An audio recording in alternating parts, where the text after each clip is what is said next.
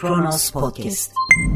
Ülkelerin zor zamanları vardır. Bazen kaçınılmaz bir savaş, bazen bir tabii afet, bazen değişen uluslararası dengeler, bazen toplumsal meseleler derken sıkıntılı bir süreç. İşte o zamanlarda ayağa kalkmanın yolu meşhur birlik beraberlik ruhudur. İkinci Dünya Savaşı'ndan hemen sonra Almanya ve Japonya örneğinde olduğu gibi. Bizim tarihimizde de var mı? Biraz efsane, biraz gerçek. Bizim tarihimizde de epey örneği var. Fakat herhalde ülkelerin en sıkıntılı olduğu zamanlar bir şekilde bulundukları konum itibarıyla ülkenin gidişatı konusunda belirleyici olanlardır. Devlet adamı sanırsınız kökü derinlere uzanır, derinlerde ne olduğunuysa tam olarak bilmek mümkün değildir.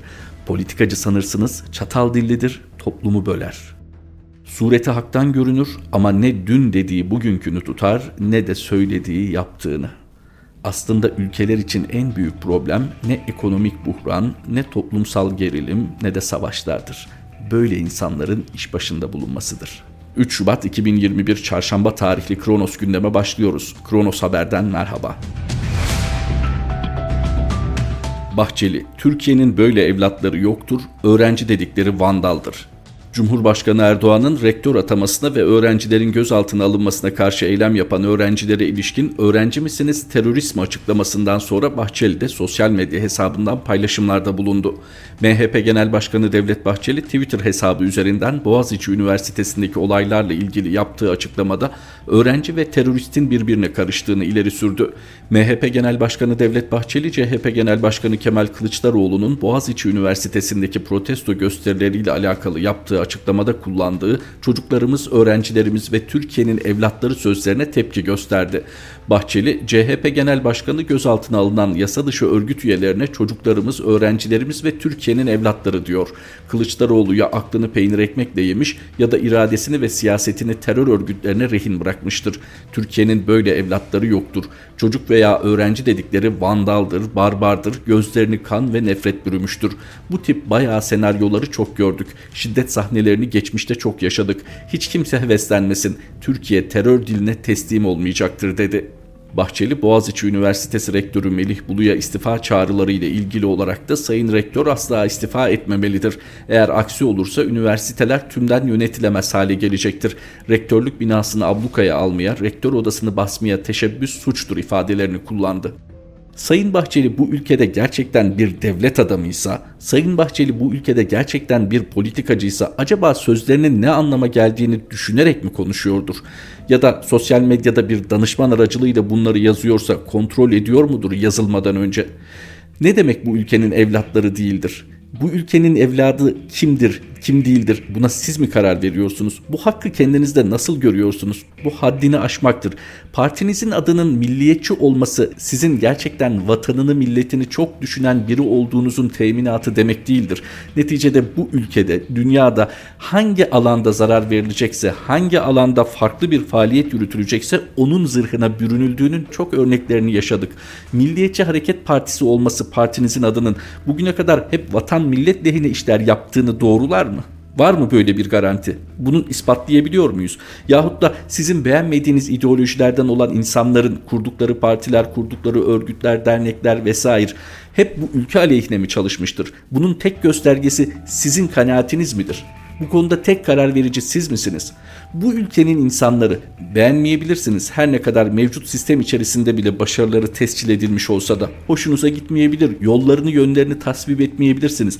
Ama o insanlar Türkiye Cumhuriyeti Anayasası'nın belirttiği şartlara uyuyor ve vatandaşlık bağıyla bu ülkeye bağlı oldukları için de bu ülkenin vatandaşı sayılıyorlar. Ne haddinize bu ülkenin evladı değildir onlar demek. Nasıl kendinize böyle bir hakkı görüyorsunuz? Siyasiler sizi sırf siyasi çerçevede eleştirse bile kapılarının önünde bir anda eli sopalı kimseler beliriyor.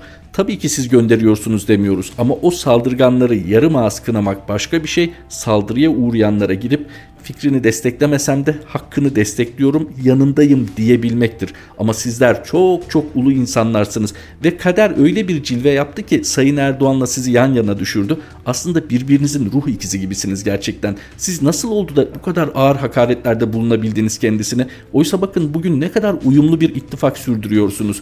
Şimdi herhalde pişmansınızdır değil mi teke mevzundan? Hani diyordunuz ya tekeden süt sağılmaz, Erdoğan'dan Cumhurbaşkanı olmaz. Nasıl teke süt vermeye başladı değil mi? hazır Devlet Bahçeli'den bahsetmişken dava arkadaşıyla ilgili başlığı da hemen arkasından verelim. Çakıcı hakkında iddianame hazırlandı nihayet. Ankara Cumhuriyet Başsavcılığı organize suç örgütü lideri Alaaddin Çakıcı hakkında iddianame düzenledi. Çakıcı hakkındaki iddianame kamu görevlisine karşı görevinden dolayı alenen hakaret ve tehdit suçlamalarına istinaden hazırlandı. Ankara Asliye Ceza Mahkemesi'ne gönderilen iddianamede Çakıcı'nın CHP liderine yönelik olarak sosyal medya üzerinden paylaştığı mektuptaki ifadeleri yer aldı. Kılıçdaroğlu'nun avukatı Celal Çelik de iddianamenin hazırlandığını nihayet genel başkanımıza yönelik hakaret ve tehditlerinden ötürü Alaaddin Çakıcı hakkında iddianame düzenlendi. Önceden de söylediğimiz gibi mutlaka ceza almasını sağlayacağız sözleriyle duyurdu. İddianamede tehdit ve hakaret suçlamalarıyla cezalandırılması talep edildi Çakıcı'nın. Kılıçdaroğlu'na yönelik hakaret ve tehditlerine CHP'den mafya bozuntusu karşılığı gelirken MHP lideri Devlet Bahçeli ise Çakıcı'ya sahip çıkarak dava arkadaşım demişti. Alaaddin Çakıcı'nın birkaç gün önce de hatırlayacaksınız adliyeye ifade için gittiğinde araçları dikkat çekmişti. Çakarlı denilen hani önünde ya da arkasında mavi kırmızı hani devlet erkanının araçlarına verilen lambalar vardı. Evet önemli biri olduğunu biliyoruz Alaaddin Çakıcı'nın fakat Devlet Bahçeli'nin hapishanede ziyaret ettiği Çakıcı'nın devlet için bu kadar önemli olduğunu o zaman tahmin edememiştik. Belki sadece bir ideolojik yakınlık diye düşünmüştük ama bugün görüyoruz ki hele bugüne gelene kadar söylediklerinden dolayı anlıyoruz ki Devlet için Çakıcı gerçekten önemli. Zaten sorun da burada başlıyor organize suç örgütü lideri olduğu yargı tarafından tescil edilen ve bundan hüküm giyen Alaaddin Çakıcı bugün devlet için önemli bir isim. Sırf bu gösterge bile memlekette hukuka saygılı olarak yaşayanların ama hakları gasp edilenlerin haklarını alma konusunda kısa vadede umutlu olmamaları için yeterli. Fakat orta ve uzun vadede dengeler değişir. Çakıcı'nın içeride ve dışarıda nasıl değiştiğini, Bahçeli'nin özellikle Erdoğan'a karşı tutumunun nasıl değiştiğini, hatta devletin dönem dönem nasıl değişimlere uğradığını hatırda tutarak umudumuzu koruyabiliriz. Boğaziçi protestolarından gelmiştik buraya. Boğaziçi öğrencisi Koca Aslan işgal yok, eylemlerimiz çarpıtılıyor. HDP milletvekili Ömer Faruk Gergerlioğlu'nun ÖFG TV'sine konuk olan Boğaziçi Üniversitesi Sosyoloji Bölümü öğrencisi Betül Koca Aslan atanmış rektöre karşı üniversitede başlayan eylemlere destek verdiğini belirterek polisin de şiddet yoluyla öğrencileri protestolardan vazgeçirmeye çalıştığını söyledi. Boğaziçi Üniversitesi ve Hisarüstü Mahallesi bütün okulun çevresi polis ablukası altında. Kaldırımlarda barikatlar, tomalar ve biz okula giderken de polislere kimlik göstermek zorunda kalıyoruz. Okula giriş yaparken böyle bir abluka altındayız diyen Koca Aslan, iktidar kanadından gelen işgal söylemlerinin de gerçeği yansıtmadığını dile getirdi. Koca Aslan şöyle konuştu. Kendi üniversitemizi işgal etmedik. Güney kampüste kendi üniversitemizin rektörlük binasında oturma eylemi başlattık. Bu da direnişimizin bir parçası çünkü biz ilk günden itibaren kayyıma karşı direneceğimizi ve bu kayyımı kabul etmediğimizi söyledik. Tabii ki iktidar da bunu bu şekilde çarpıtmaya çalışıyor. Aslında ilk günden beri görüyoruz. Bu yaşanan son olaylarda da bir şeylerin üstü örtülmeye çalışılıyor. Bizim en baştan beri söylediğimiz kayyımları istemiyoruz. Ne Boğaz içinde ne hiçbir üniversitede. Türkiye'nin hiçbir yerinde kayyım istemiyoruz diyoruz ama böyle basit başka şeylerle çarpıtmaya çalışıyorlar ve polis şiddetini kullanıyorlar. Betül Koca Aslan Kabe fotoğrafı nedeniyle arkadaşlarının tutuklandığını da hatırlatarak hiçbir şekilde böyle basit bir sebepten böyle bir öğrencinin yaptığı görsel üzerinden insanların tutuklanmasını, insanların hedef gösterilmesini, gözaltına alınmasını kabul etmiyoruz. Bunların da derhal serbest bırakılmasını istiyoruz. Bunlar bir şekilde iktidar medyası tarafından ve iktidar tarafından malzeme ediliyor. Direnişin ve Boğaziçi Üniversitesi öğrencilerinin asıl hedefinin üstü örtülmek isteniyor şeklinde konuştu. Betül Koca Aslan konuşmasında iktidarın dini duyguları kullanarak kitleleri hedef gösterdiğini belirtiyor. Ayrıca KHK'li insanların fişlendiğini belirtiyor. Bir Kabe resmi üzerinden bu şekilde provoke olunmaması gerektiğini düşündüğünü söylüyor. Daha önemli meselelerimiz olduğunu söylüyor. Betül Koca Aslan sosyoloji öğrencisi. Özellikle aktarıyorum çünkü hatırlayacaksınız başta Devlet Bahçeli özelinde bir devlet adamı değerlendirmesi yapmıştık bir devlet adamı olumsuz koşullarda dahi göreve gelse ülkesi için, milleti için doğru adımlar atandır. Fakat bu doğru adımlar dediğimizde işte tarihin bazen çok ışıltılı bir şekilde nazara sunduğu büyük isimler değildir kastettiğimiz. Bazen adı sanı duyulmamış, sadece ilgililerin bilebileceği, arşiv karıştıranların öğrenebileceği, kenarda köşede kalmış isimleri ama yaptıkları işler itibarıyla önemli badireler atlatmıştır ülkeye, millete. Onlardan bahsediyoruz devlet adamı dediğimizde.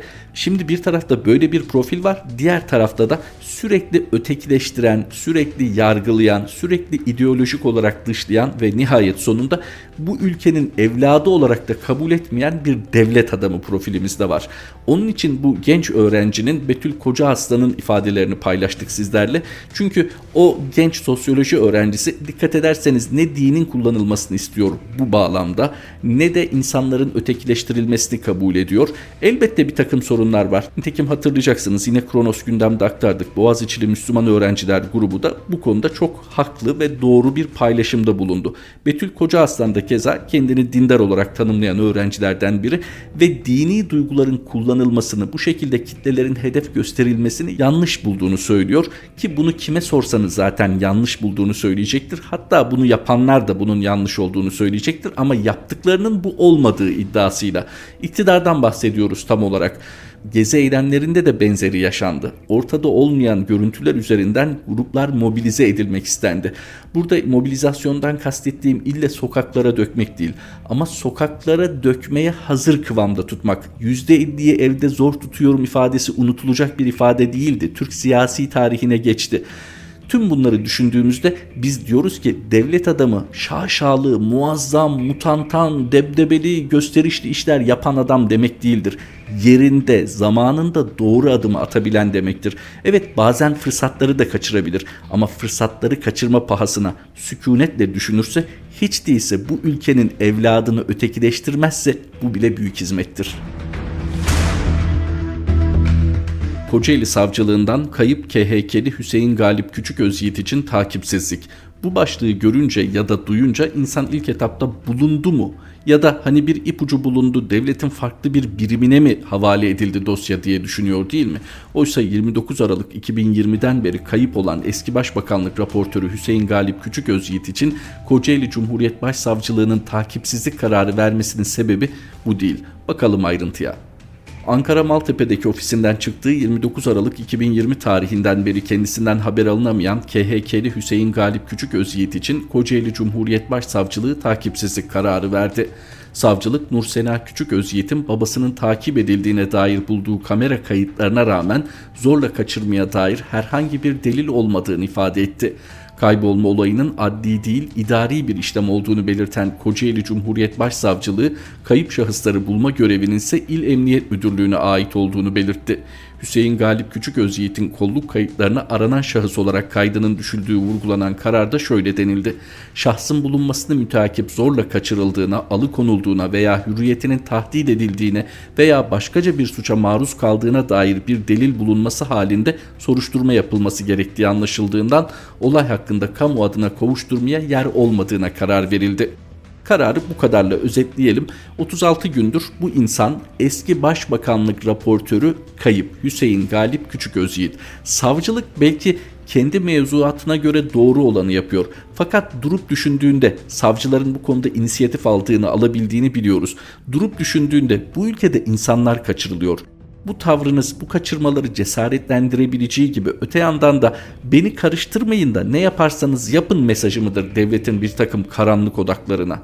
Sayın savcı sizce de ortada şüpheli bir durum yok mu? Eski başbakanlık raportörü yani devletin bir kademesinde bulunmuş, mühim de bir kademesinde bulunmuş bir insan bir aydır kayıp. Size göre kayıp olmayabilir. Teknik tabiri kayıp olmayabilir. Çünkü zorla kaybetme üzerinden bakıyorsunuz olaya. Belki bunun bir emaresi olmayabilir ortada. Fakat eski başbakanlık raportöründen bahsediyoruz. Hani savcılığınızın bu konuda özellikle hassasiyet göstermesi gerekmiyor mu? Ha derseniz ki beni karıştırmayın bu işler çok karışık. Bir savcı olarak sizi anlamasak bile durumu kavrarız hiç değilse. Normal bir durum yok ortada sayın savcı. İnsanlar bir yılı aşkın bir süredir kayıp haber alınamıyor onlardan. Yakınları perişan. Sonra birden ortaya çıkanlar var. Durduk yere Ankara Emniyet Müdürlüğü'nün önünde görünü veriyor bu şahıslar ve hemen gözaltına alınıyorlar ve nedense daha ilk duruşmada işkence gördüğünü söylemelerine rağmen avukatları bile davadan çekiliyor ve üstüne üstlük duruşmaları kapalı olarak görülüyor. Yapmayın, etmeyin, hiç değilse kendinize hukukçu demeyin. Kendinizi adaletin tecellisi için görevli görmeyip de devletin içine çöreklenmiş bir suç örgütünün suçlarına kılıf bulmakla görevli kılıyorsanız diyorsanız diyecek hiçbir sözümüz yok. Fakat şunu da unutmayın. Zıvanadan çıkarsa hukuksuzluk gün gelir. Bu hukuksuzluktan nemalanan muktediri de muktedirin bu tür kirli işlerini görenleri de vurur. HDP kaçırmalar için meclis araştırması istedi. Göz yumuluyor. HDP Muş Milletvekili Gülistan Kılıç Koçyiğit, Türkiye'de kaçırılma ve muhtemel kaybedilme vakaları hakkında süratli ve etkin soruşturma yürütülmesi, kaçırılmalarda devlet görevlileri de dahil olmak üzere sorumlu olanları tespit edebilmek ve bu kişilerden hesap sorulmasının sağlanabilmesi amacıyla Meclis Araştırma Komisyonu kurulmasını teklif etti. Koçyiğit araştırma önergesi gerekçesinde İstanbul'da kendilerini görünmeyenler olarak adlandıran kişiler tarafından kaçırılıp işkence edilen ve kamuoyu baskısı sonucu serbest bırakılan Gökhan Güneş'i de hatırlattı. Koç Yiğit, Gökhan Güneş'in bu açıklamaları geçmişte kaçırılan ve hala haber alınamayan kişileri 90'lı yıllardaki JITEM uygulamalarını olağanüstü hal döneminde kaybolan veya kaybettirilen yurttaşları hatırlatmaktadır. Gerek Ankara'da gerek İstanbul'da yaşanılan zorla kaçırma olaylarına ilişkin mağdur müştekilerin ifadeleri bu ifadeyle benzerlik göstermektedir değerlendirmesinde bulundu. İnsan Hakları Derneği'nin 2020 yılı baskı ve tehdit yöntemleriyle ifade alma, mülakat yapma, ajanlaştırma ve kaçırma olayları ile ilgili özel raporunda 10 kişinin kaçırılarak ajanlık teklifine ve tehdidine maruz kaldığına, bu kişilerin resmi işlem yapılmadan serbest bırakıldığına yer verildiğini hatırlatan Koç Yiğit şöyle devam etti.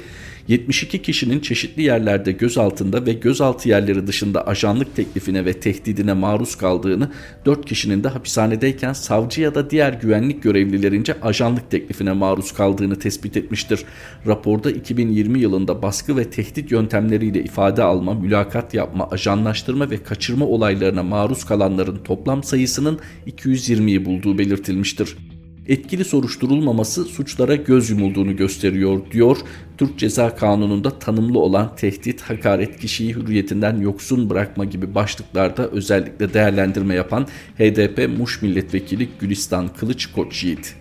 İnsan Hakları Derneği'nin raporu 2020'ye ait. Bu konularda sürekli yılı hatırlatmak bıktırıcı bir tekrar gibi görünebilir ama insan hatırlatmadan edemiyor.